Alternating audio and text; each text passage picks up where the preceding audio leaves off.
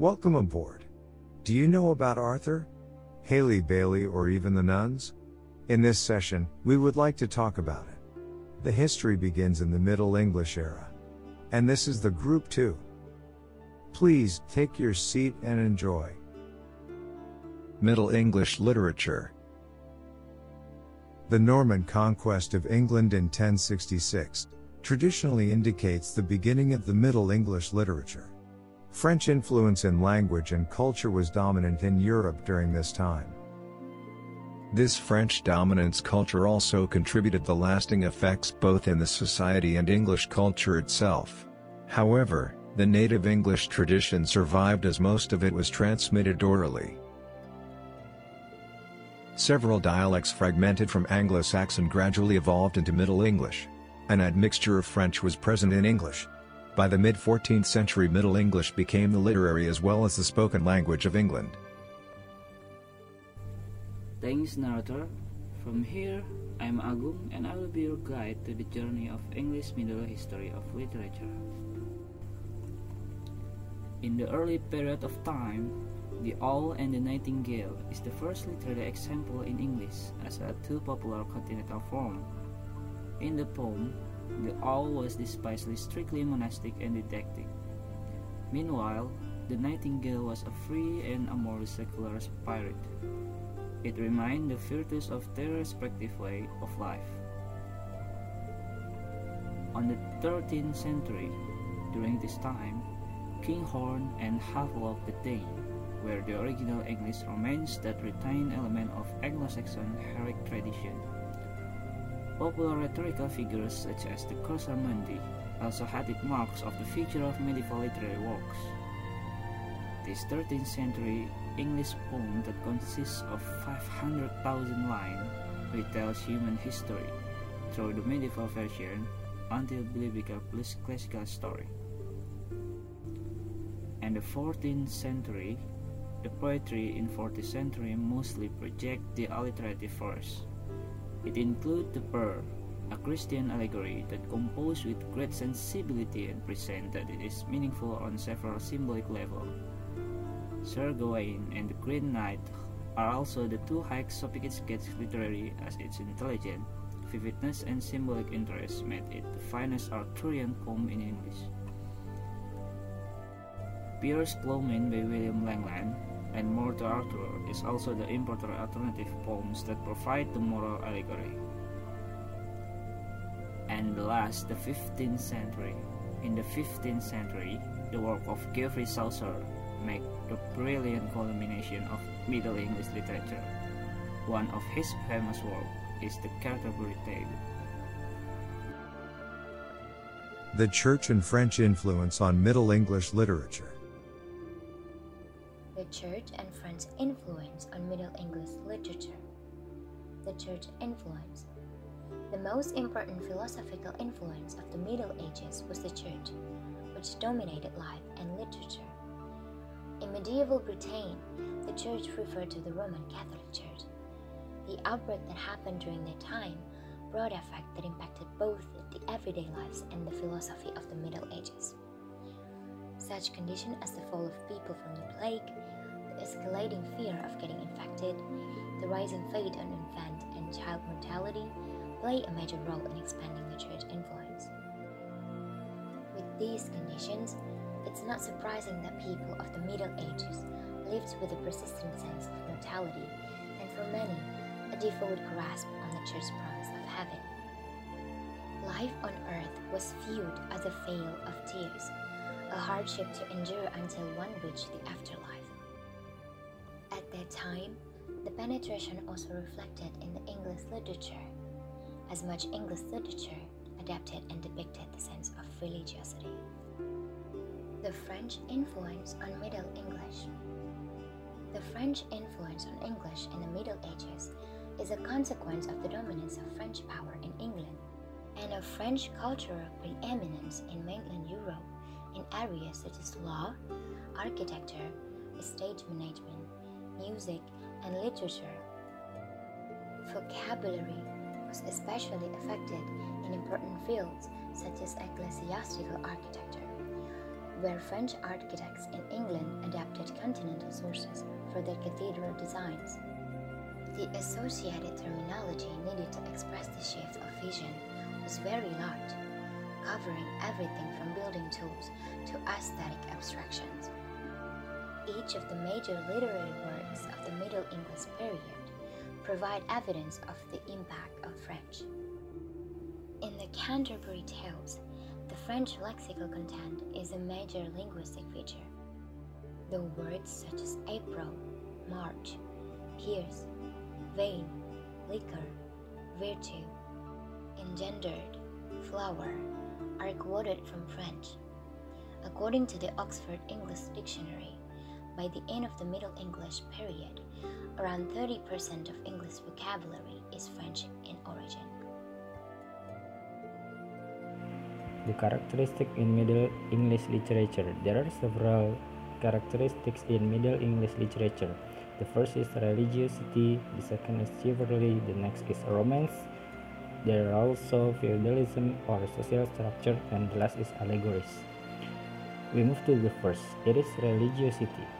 Due to the church's authority over the lives of people, it, it's reflected in Middle English literature as it is absolutely and commonly detect, didactic in nature, full of teachings and warnings instead of entertainment. The religion occupies a critical place in Middle English literature as it was an essential important element of social life in the medieval age. It is said that all of people look upon religion as a means to the next life. They live in constant fear of hell and its torment and were vitally concerned with the salvation of their soul. As a result of the influence of religion within society, there are few examples of secular works during the medieval period. Secular poetry was one of the main works of literature at this time. It was full of satire and irony concerning everyday life. The insight of the popular popularity of these secular works led to the Renaissance and it is also helped create a pathway for future authors in the Renaissance. The second is chivalry. In addition to religion, a second philosophical influence on medieval thought and literature was chivalry, the code of conduct that bound and defined a knight's behavior. Many ideas that come up in Middle English literature are that of courtesy, courage, humility, and chastity which means fidelity and loyalty, piety, and courageousness to duty. Chivalry is a largely thought about theme among Middle English literature, along with courtly love and knights. Chivalry also goes along with other very common themes of this time, such as combat, courtesy, courage, chastity, responsibility, and piety. As a result, of the presence of chivalry, courtly love gave rise to increased production and contemplation of romantic prose. The next is romance. The third is romance. This was the most popular genre in the Middle English period. It had a particular story structure that depicted the integration, disintegration, reintegration of said central hero. Usually, the hero underwent the test or challenge that alienated them from society. It is outside the world of everyday experience or unnatural or magical. It was the principal narrative genre for late medieval readers and centrally concerned with love, but it developed ways of representing psychological interiority with great subtlety. Though they began in France, and their transition into English literature came about from simplified and translated versions of the original French works. Often, romances were written for aristocratic audiences or lower class audiences had to do with a knight attempting to win the love of a woman of much higher class by showing the depth of his character through acts of morality, nobility, and bravery. The next characteristic is feudalism or social structure. This idea of social class and feudalism are the large themes in Middle English literature. Geoffrey Chaucer may have offered the most in-depth view of social class differences with his work that is Canterbury Tales. This collection of stories over various characters from different social standings traveling together on a religious pilgrimage. It portrayed the feudal system that kept these families powerful and the lower class people worked to support the powerful. Middle English literature offers great works of art for the social structures and the lives of Middle English people. The last characteristic is allegories. Allegories are seen a lot more explicatory and important, are also more prominent and grounded. They are also, or allegories are also beginning to recover secular classical elements. Since monks were copying the Middle English literature, it became more secular because they wouldn't copy down such through some dirty and vulgar humor pieces. During this period of time, the religion is still widely Catholicism but getting seeds of Protestant church satire and clerical abuse which is widely found in the literature of this time through the use of allegories.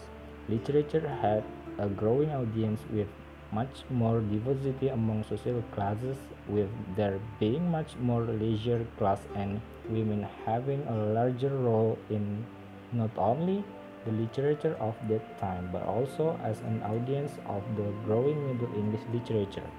The monarchy was a monumental influence on the religion, someone of the religion that at the time because you had to be what the monarchy was, which meant everyone had to be the same religion and if they were not they did not not tell because a person could get in much trouble for that which is again a popular subject of middle english literature again through the use of allegories themes of chivalry, secular classical elements, and the importance of allegories, symbolism, and class hierarchy best characterize Middle English literature.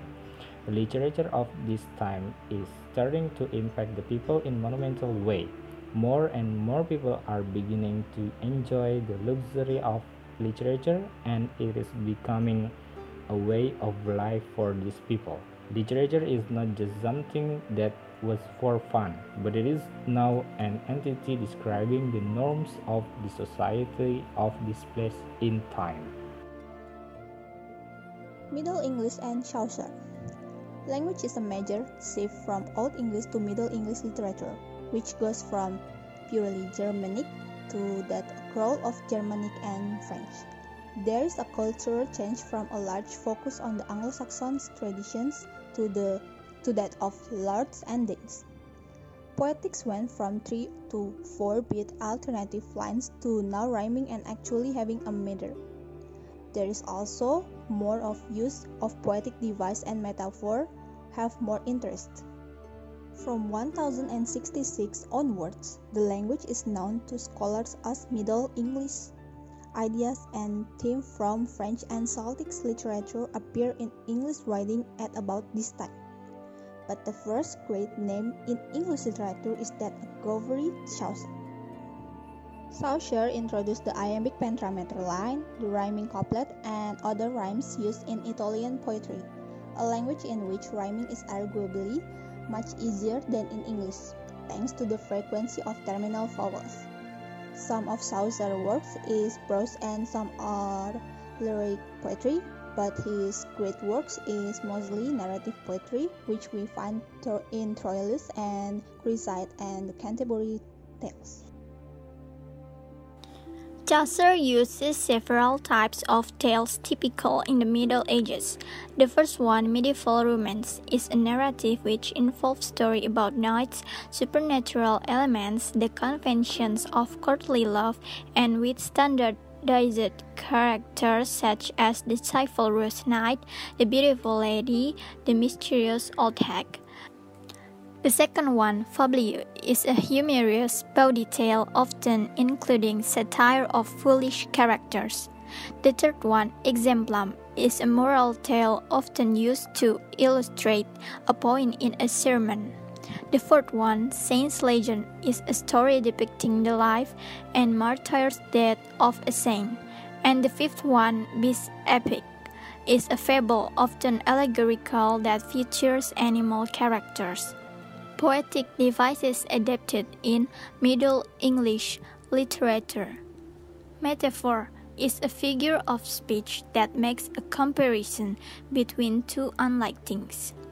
Simile Scientifically, simile is a form of the conceptual and discursive parable that has the analogy of a literary comparative structure, usually having two elements, A and B. Simile is questioned by the appearance of the word as like. Personification. Personification consists in giving the attributes of a human being to an animal, an object, a concept, or to a non human object. Kenning. Kenning is a form used in Icelandic poetry in which the form is strongly bound.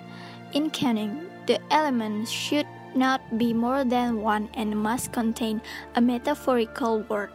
Imagery. Imagery is a way to feel what we read.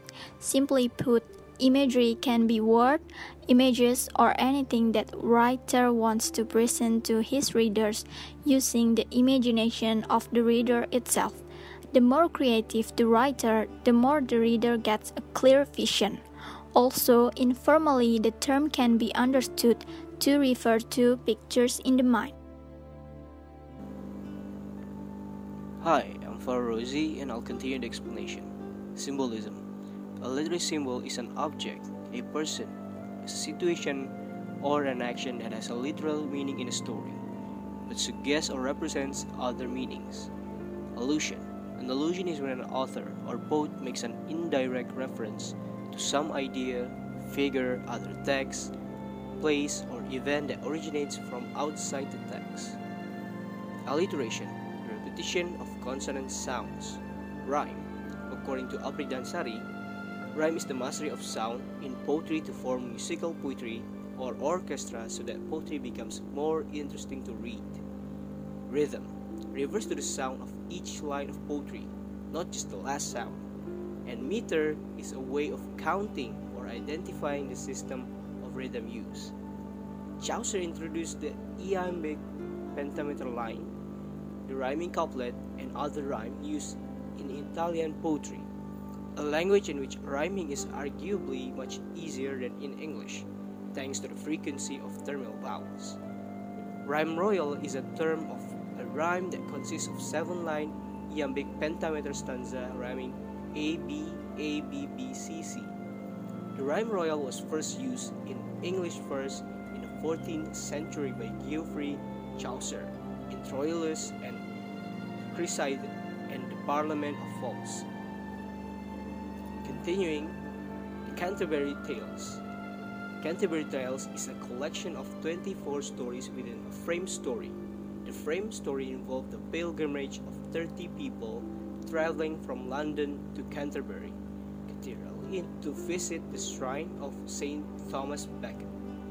Chaucer's Canterbury Tales provide a vivid description of life in the Middle Age by picturing in detail characters from every level of medieval society. Chaucer moved beyond the traditional collection of unrelated tales by making Canterbury Tales a unified whole through the use of literary technique such as the framework of pilgrimage, links, and the matching of a tale's content to the personality of the pilgrim who tells it. Various types of tales such as medieval romance, fabliau, exemplum, saint legends, and beast epic make up Canterbury Tales which make the Canterbury Tales more interesting to read and more famous at the time. There are six tales that will be discussed in this podcast the Cook Tale, and then the Nun's Priest Tale, the Friar's Tale, the Manciple's Tale, the Clerk's Tale, and the Tale of Sir Thopas. Analysis The Cook's Tale. The story actually continues from the Reeve's Tale, where Roger, a cook, laughed with joy because the evil things that Miller has done are rewarded through his story. Then the cook was asked to tell another story in exchange for having served food that was entirely unfit for condition. Ingredients such as stolen gravy, rotten unfit pie dishes which even when heated remain untouched.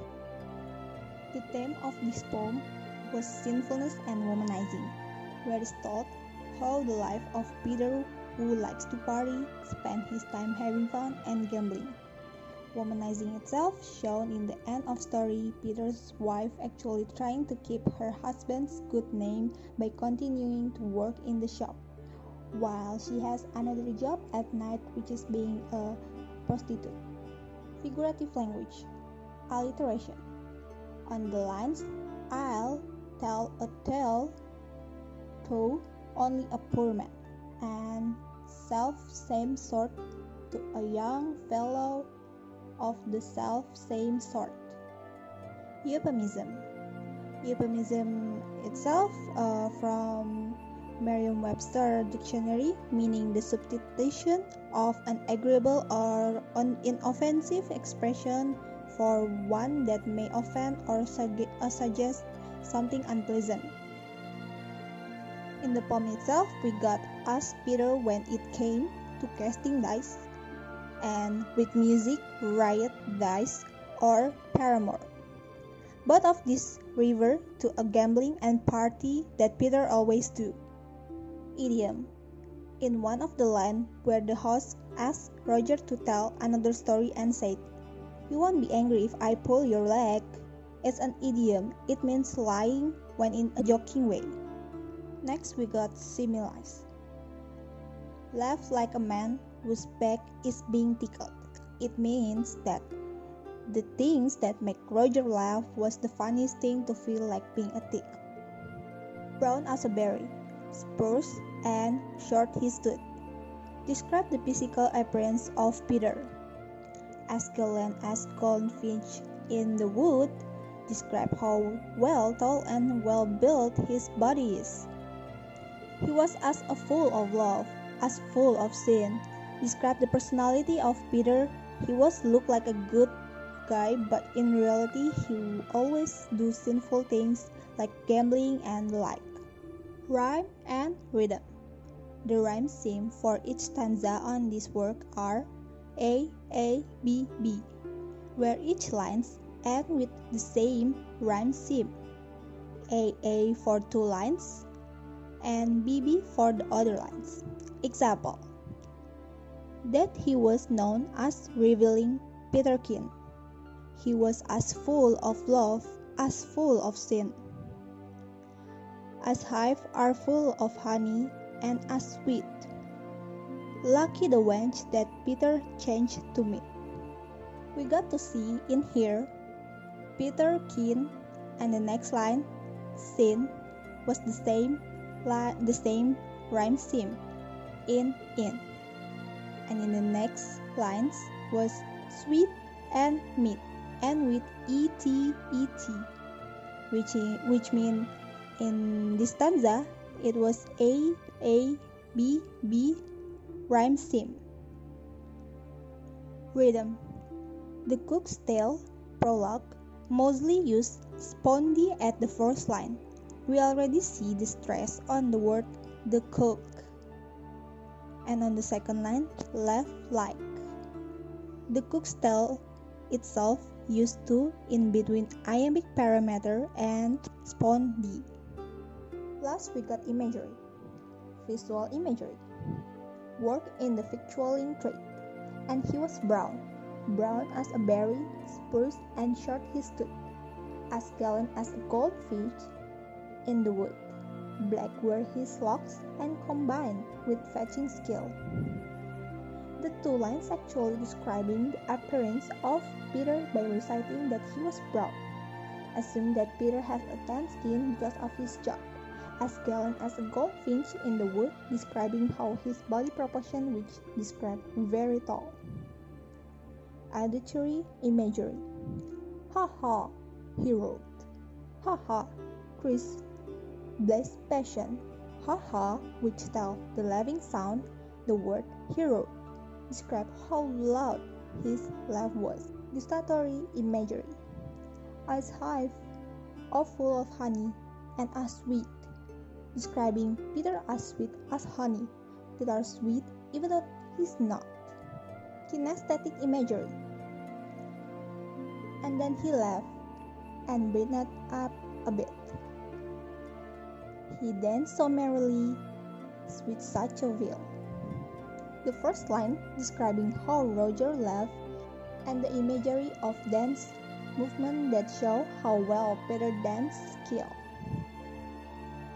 Last but not least, organic imagery.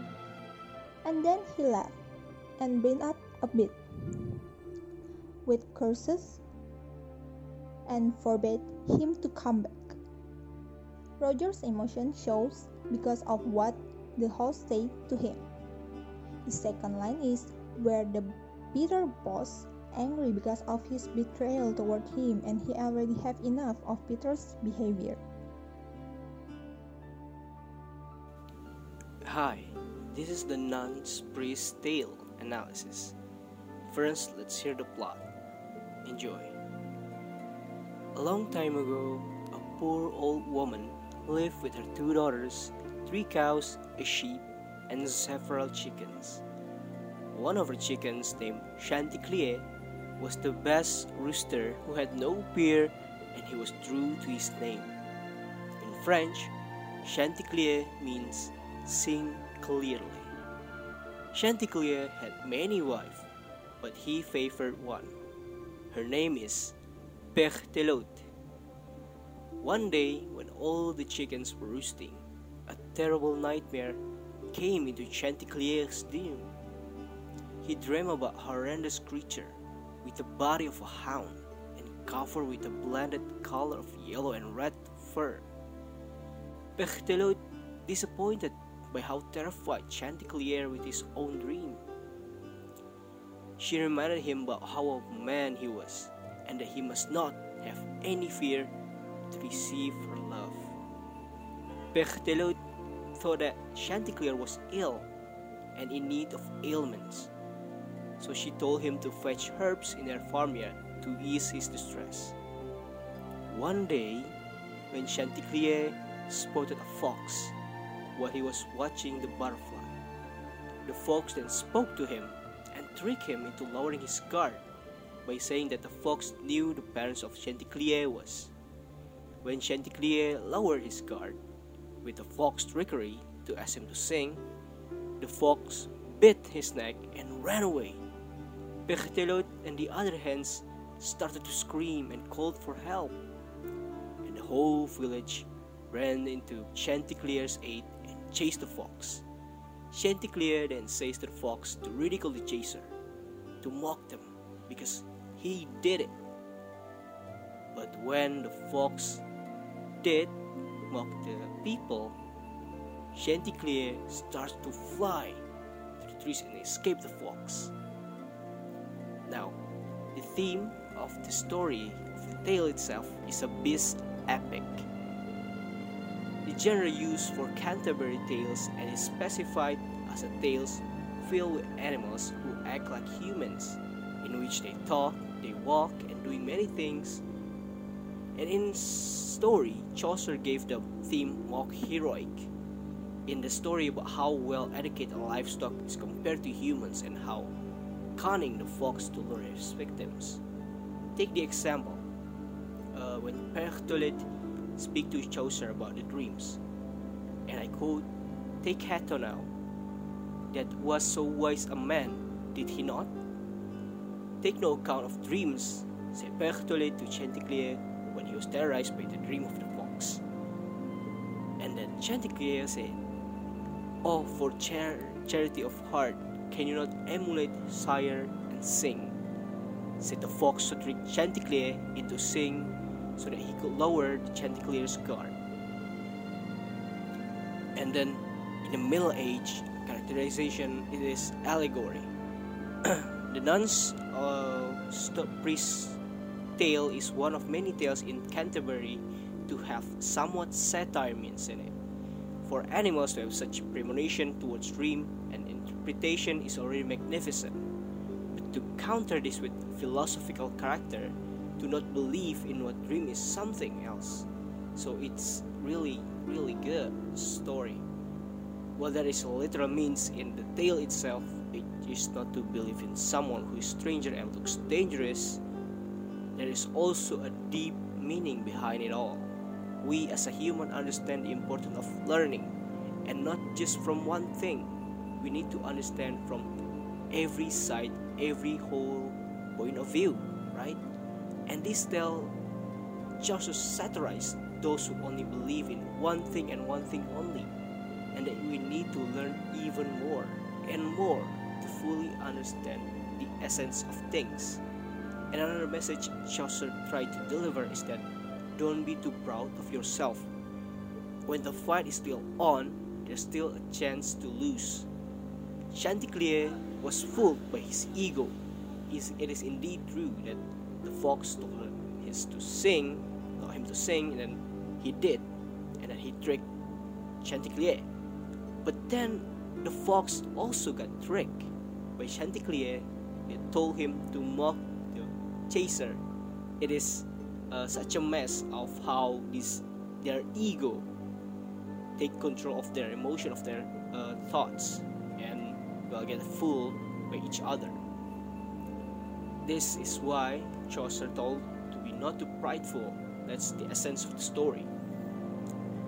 Now, the setting itself is included in the first part of the story, which was located in a cottage or in a farmland located in a meadow a long, long time ago. and I quote from the story Once, long ago, there dwelt a poor old widow in a small cottage by a little meadow beside a grove and standing in a dale. That is uh, the setting from the story. Now, move on to the rhyme, rhythm, and meter. The rhyme this tale is considered as perfect rhyme, since the readers will find similarities while reading the tales. Let me read some parts of the story to prove it.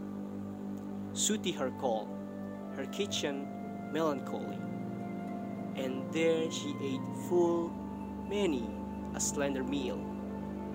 There was no sauce piquante to spice her feel. No dainty morsel ever passed her throat. According to her cloth, she cut her coat. Now, that the you can hear the meal, veal, melancholy, many, throat, cloth, and coat is somewhat rhyming, right? Now, while the rhythm is concluded with melody, the meter in the tale is written in prose poetry, since the line is interlocked with each other until the end of the story. The paragraph does not end and is continuously written.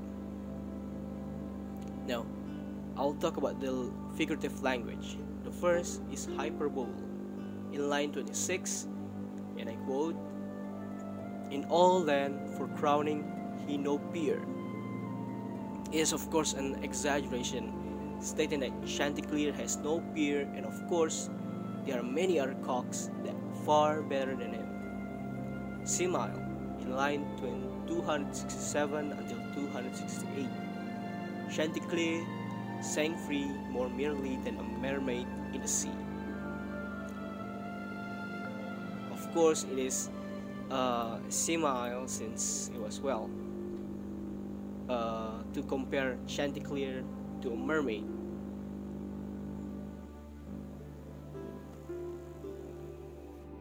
The next figurative language is personification. In line 80, I still can feel my heart racing from fear. Of course, a heart cannot race. It's clear its personification of the heart racing as if running away from fear. The last part is characterization. Chanticleer, our main uh, protagonist, a coward yet almost naive man, dressed in beautiful physique, he's also educated with philosophy and such. To prove it, in line 80 and 82, I still can feel my heart racing from fear. God, turn my dream to good and guard all here, and keep my body out of durance vile. It's the example of a coward, a coward man. And in line 38 and 43, his comb was redder than fine coral, tall and battlemented like a castle wall. His bill was black and shone as bright as jet, like azure were his legs, and they were set on azure toes, with nails of lily white, like burnished gold with his feathers, flaming bright. It's the example of beautiful physique. And in lines 167 and 171, all dreams by God. In ancient book I read of many of men, of more authority than ever Cato was. Believe you me, who say the very opposite is true, and prove their theories by experience too. Is the example of how educated he is. The second character was Pertelote. It is French name indeed. A beautiful mistress and ladylike, yet the cynical type of lady who loved only the brave, like damsel in distress example of line 48 and 51, she, with the loveliest dice upon her throat, was known as the great gracious Lady Pertelote. Courteous she was, discreet and debonair, companionable too, and took such care. It's the example of how beautiful and mistress ladylike she was. And in line 93 and 95, for shame, she said, timorous poltroon. Alas, what cowardice! By God above, you forfeit my heart and lost my love. To prove that she only loved the brave and, well, a damsel in distress kind of type of woman. And the last character is the poor old woman, a patient poor old woman who lead a humble life. Uh, she's now a widow with unclear hope of how her husband gone, but she raised two daughters and livestock all by herself without man's help. And to prove it in line 1 to 3, once long ago there dwelt a poor old widow in a small cottage by a little meadow beside a grove and standing in a dale. Uh, it's the example of uh, where she is and she's humble and she's old and poor. And in line 9 and 11, she kept herself and her two daughters going. Three hefty souls, no more, were all her showing, three cows as well. There was a sheep called Molly, uh, to prove that she had a livestock. And in line 10 and 14, Sooty her hall, her kitchen melancholy, and there she ate full many slender meal. There was no sauce piquante to spice her feel, no dainty morsel ever passed her throat. According to her cloth, she cut her toe. That is the example of how humble she is. And that is all for the Nun's Tale priest analysis.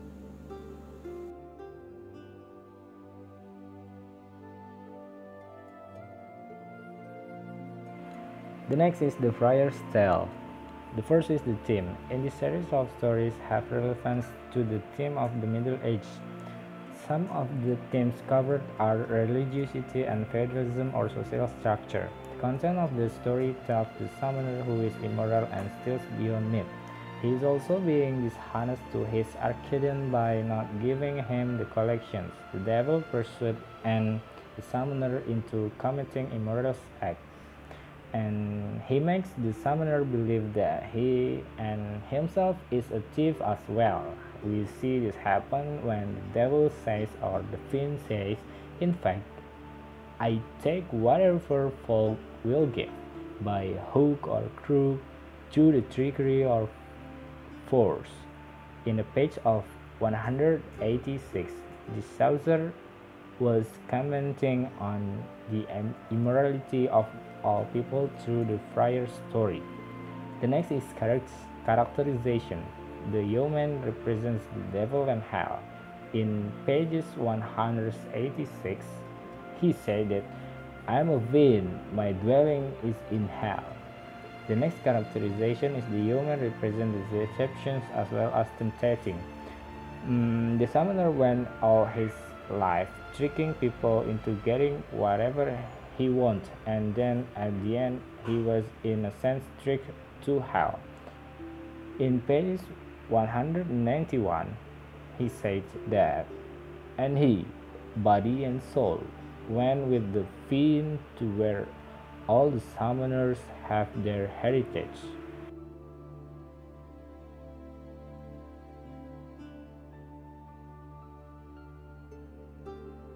The next analysis is plot. A friar is like monk but they live in the community among the people and are known for their corruption. In response to the Lady of Bath story, the friars began a story about the corrupt summoner. On the way out, swindle money from an old woman, woman the summoner meets a yeoman. The yeoman reveals that he is in fact a fine fiend from hell sent on business to his town. He told the summoner he could collect anything that was given to him. The summoner agreed to be friends with the fiend and split any earnings they made on the journey. For everyone who refused the repent for his acquisition, and the fiend grabbed the summoner and dragged him to hell. A summoner is an official of the bishop, bishops whose job was to summon people for sins they had committed against the church. They often trump up false charges to allow himself to be bribed to let them off the charge.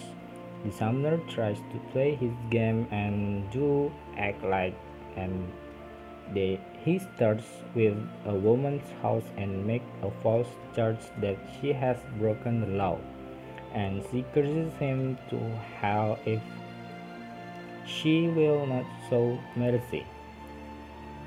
And since he does not show the mercy, the demon believe take him to the hell that in that minutes.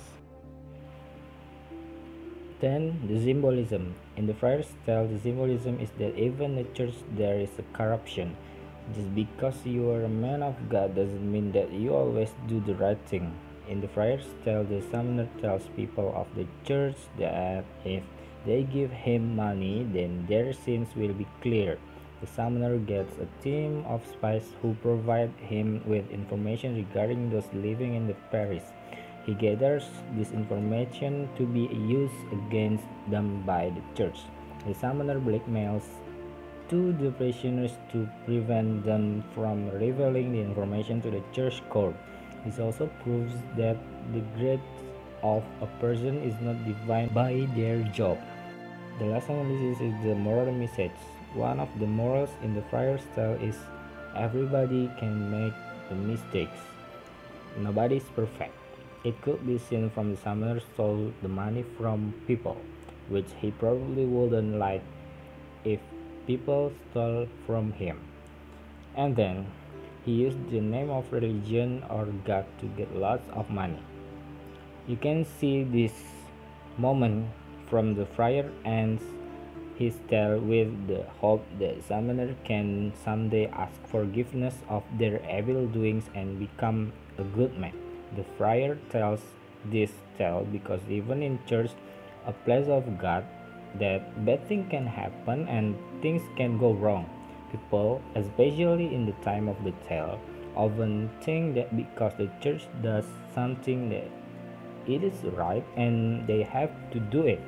From the first tale you can tell that you can say that it is not true then nobody is perfect. The Manciple's tale analysis. The plot Phoebus is a Greek god who comes to reside on earth. He kills the evil serpent Python with his bow and arrow. Following that, he carries the same weapons with him at all times. He is both the world's most attractive man and the world's most accomplished musician. He and his wife reside in a modest house with their pet crow. The crow has the same white color of a swan and sings as sweetly as a nightingale. Phoebus even teaches the crow how to communicate like a man. Despite the fact that no one in the world is more attractive or accomplished than him, Phoebus is still concerned that his wife will be disloyal to him. His concerns are well founded. While Phoebus is away, his wife has an affair with another guy. When Phoebus arrives home, he is greeted by a crow who cries out, Cuckoo! When Phoebus inquires as to why the bird is making that noise, the bird informs him that on that particular day, someone else, someone greatly inferior to Phoebus in every aspect, had intercourse with his wife. Phoebus murders his wife with an arrow shot from his bow. The gods heard broken bow and arrow, as well as his various musical instruments, are then destroyed. After that, the enraged Phoebus turns on the crow, accusing it of robbing him of all his joy. Phoebus proclaims that the crow will never be allowed to speak or sing again. As a punishment for its harsh statements, Phoebus plucks the crow's white feathers and turns it black before flinging it out of his house. The Manciple, the story's narrator, tells his audience that the crow was punished for uttering something that Phoebus didn't like. Keep well thy mouth, and keep thy friend. His mother used to say to him, according to the Manciple, and cautioned him to think carefully before saying anything, whether it was true or not. Verse to come amongst high or low. Keep wisely thy speech and think upon the crow, he tells his audience at the end of his tale. Characters and characterization of this tale. Phoebus resembled a picture of perfection. He was a lovely creator who was also honorable and compassionate. He admired women particularly his wife, and was envious of anyone else who had her. He was the greatest archer and singer of all time, and he trained his crow to communicate as well. He did, however, have a cruel trait because when the crow informed him of his wife's actions, he went insane and murdered her. He began to lose his honor and blamed it on the bird. To put it another way, the bird made me do it. After then, the ideal guy became the imperfect man. The wife, Phoebus' wife, was meant to be faithful and loving to her husband. She, on the other hand, resisted this because she felt too insulated. Phoebus seemed to be a touch compulsive in keeping her locked up. As a result, she had an affair. This woman was meant to be a good and pure, but she wasn't, and she acted inappropriately. Phoebus believed she had a pure heart, although she clearly did not. The crow. The crow was Phoebus' loyal friend. Even though he knew Phoebus wouldn't appreciate what he had to say, he was honest with him. The crow morphed from a beautiful and pure creature into an obnoxious, cursed beast. The crow, on the other hand, was truthful and did nothing wrong, but he was nevertheless punished. The tale's original theme concerned with the devastating effects of marital infidelity. As the manciple draws to a close, the story's central subject becomes the folly of exposing everything and the wisdom of being silent when one considers that the manciple stopped teasing the cook for fear of what the cook may expose about him. It is acceptable to convey this message from the mouth of the manciple. Chaucer's The Manciple's tale is immediately a myth, a tale of courtly love and a satire, mocking fables and courtly love traditions. Types of tale Fabliau. In certain ways, the Manciple's tale belongs to the Fabliau, which is a short comedic story presented in poetry rather than prose about some obscene subject matter. The subject in this case is the wife's adultery. Beast fable. This tale is partly a beast fable as it has an animal imitating human behavior. In some ways, it differs from a standard beast fable in that it centers on Phoebus and his wife rather than monster. The crow, on the other hand, plays an important function as the carrier of bad news and the person who is punished as a result of it. Allegory The story of Phoebus and the crow is an allegory for not making hurtful or offensive words.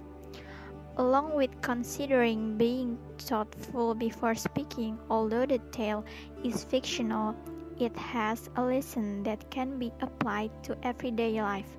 Overall, the crow story is a long metaphor intended to teach listeners to think before they speak. The bird cage is another emblem that reflects women's subjugation. The Manciple's tale lines 163 to 174, for example, states Take any bird and put it in a cage, and do your best affection to engage, and feed it tenderly with food and drink, of all the dainties that you can be think, and always keep it cleanly as you may. Rhyme. The following example from the Manciple's tale use an AABC pattern of rhyme scheme. When Phoebus took delight on earth to dwell among mankind as ancient stories tell, he was the blithest bachelor I trow of all this world and the best archer too. Kenning, the devil of hell, meaning Satan. The simile found in this tale. A simile is used several times throughout the tale. The similarity of the crow's white feathers to snow is a good example. What was this crow as is a snow white swan? Lines 133. The metaphor in this tale Within the tale, the Manciple calls the wife of Phoebus a caged bird, comparing her life to that of a bird always trapped in a cage. The Clerk's Tale analysis. The Clerk's Tale tells the story of a marquis in the town of Saluzzo named Walter. He is noble and beloved by his people, but he is not yet married. The people of the town urge him to marry, and he agreed. He finds a beautiful, hardworking, but poor woman named Griselda and chose her to be his wife. He then marries her. However, despite her consent to obey him and her love to him, he tests her loyalty by putting her through cruel tests, including the suggestion that he murdered their children. He never carries out these murders, but convinces his wife that he did. Throughout this story, Griselda consents to every one of Walter's wishes without even showing a slightly different act towards him, despite the fact that it causes her great pain. The story concludes with Griselda reuniting with the children she once thought were dead and living in peace as Walter's wife. Setting The setting of the story located in the first stanza of the poem. It explained the setting of place where the story happened the story taking place in the splendid region of Italy called Saluzzo. Rhyme, rhythm, and meter. The clerk's tale projecting the rhyme royal. It is set in iambic pentameter, which is a meter of 10 syllables in each line. The poem consists of seven lines and has a rhyming scheme of ABA, BB, CC. This rhyme royal could be seen throughout the clerk's tale story from the beginning until the end of the story. There are some figurative language worth pointing out from the clerk's tale. The first one is metaphor. It is located in line 153. The phrase his daughter was a pearl is a metaphor that comparing the merit of Griselda as a girl who has pure and precious value as the pearl. Next is simile. The first simile is located in line 482. In the phrase, and like a lamb she lay there, meek and still. The author used the simile signpost, like, to compare the way Griselda lay on bed as the secret agent come to take her daughter away with the meekness of a lamb that stays still and resigned to what comes ahead. The second simile is located in line 991. In the phrase ever constant as a wall, the signpost as in here, betraying the comparison between Griselda's patient and the constant and firm value like wall. Even after Walter had tested her many times through such cruelties, Griselda's patient never changed. There is also a personification located in line 597. In this sentence, but with a face as cheerful as the morn, the morning has given the characteristic of human as it can be cheerful. Next, in line 276, the compound word dwelling place is a kenning, since it could refer to the marquis's place or noble residence where people had gathered around to see the bride. Imagery were also projected in the clerk's tale. In line 1027, the sentence, She kissed them as the salt tears falling free. Point out that the other use gustatory imagery that involves the scent of taste to evoke experience of an emotion or a situation's mood through words for the reader. The phrase the salt tears describing the taste of the tears of joy that running down on Griselda's face. Another imagery is in the sentence, the cloth was coarsely woven, comfortless, it can be seen that the tactile imagery has been projected to appeal to the reader's sense of touch. Tactile imagery often involves texture and physical traits rough, smooth, itchy, sharp, and dull. Temperature like warm, freezing, humid, and movement like galloping, swimming, and hugging. The way that the cloth was described evoked the readers to array images and sense the coarse, comfortless texture of the woven cloth. The clerk's tale symbol can be seen in the line 880. Yet none can reach a humbleness as wide as woman can, nor can be half so true. In these lines, the phrase, yet none can reach a humbleness as wide as woman can, is a symbol that could represent the pureness of Griselda in the story. Humbleness as wide it refers to the virtue and purity of woman. Allusions In the tales, allusions is used to reinforcing the emotion and ideas of story with the ideas of another work. The story of the clerk's tale might be a contemporary retelling of the biblical story of Job, in which God tests Job's devotion to him by allowing Satan to make his life miserable. In line 876, the word Job in here is an allusion of Job from the Old Testament, it reinforcing the idea of the story of the sufferings of Job, who never loses his patience with God. It shows that the people referring the life of Griselda to that of the life of Job. Both of them went through terrible times and suffered, but didn't even had a slightly doubt in their faith and were never negative. Allegory an allegory is a story with two layers of meaning the literal meaning and a more symbolic meaning.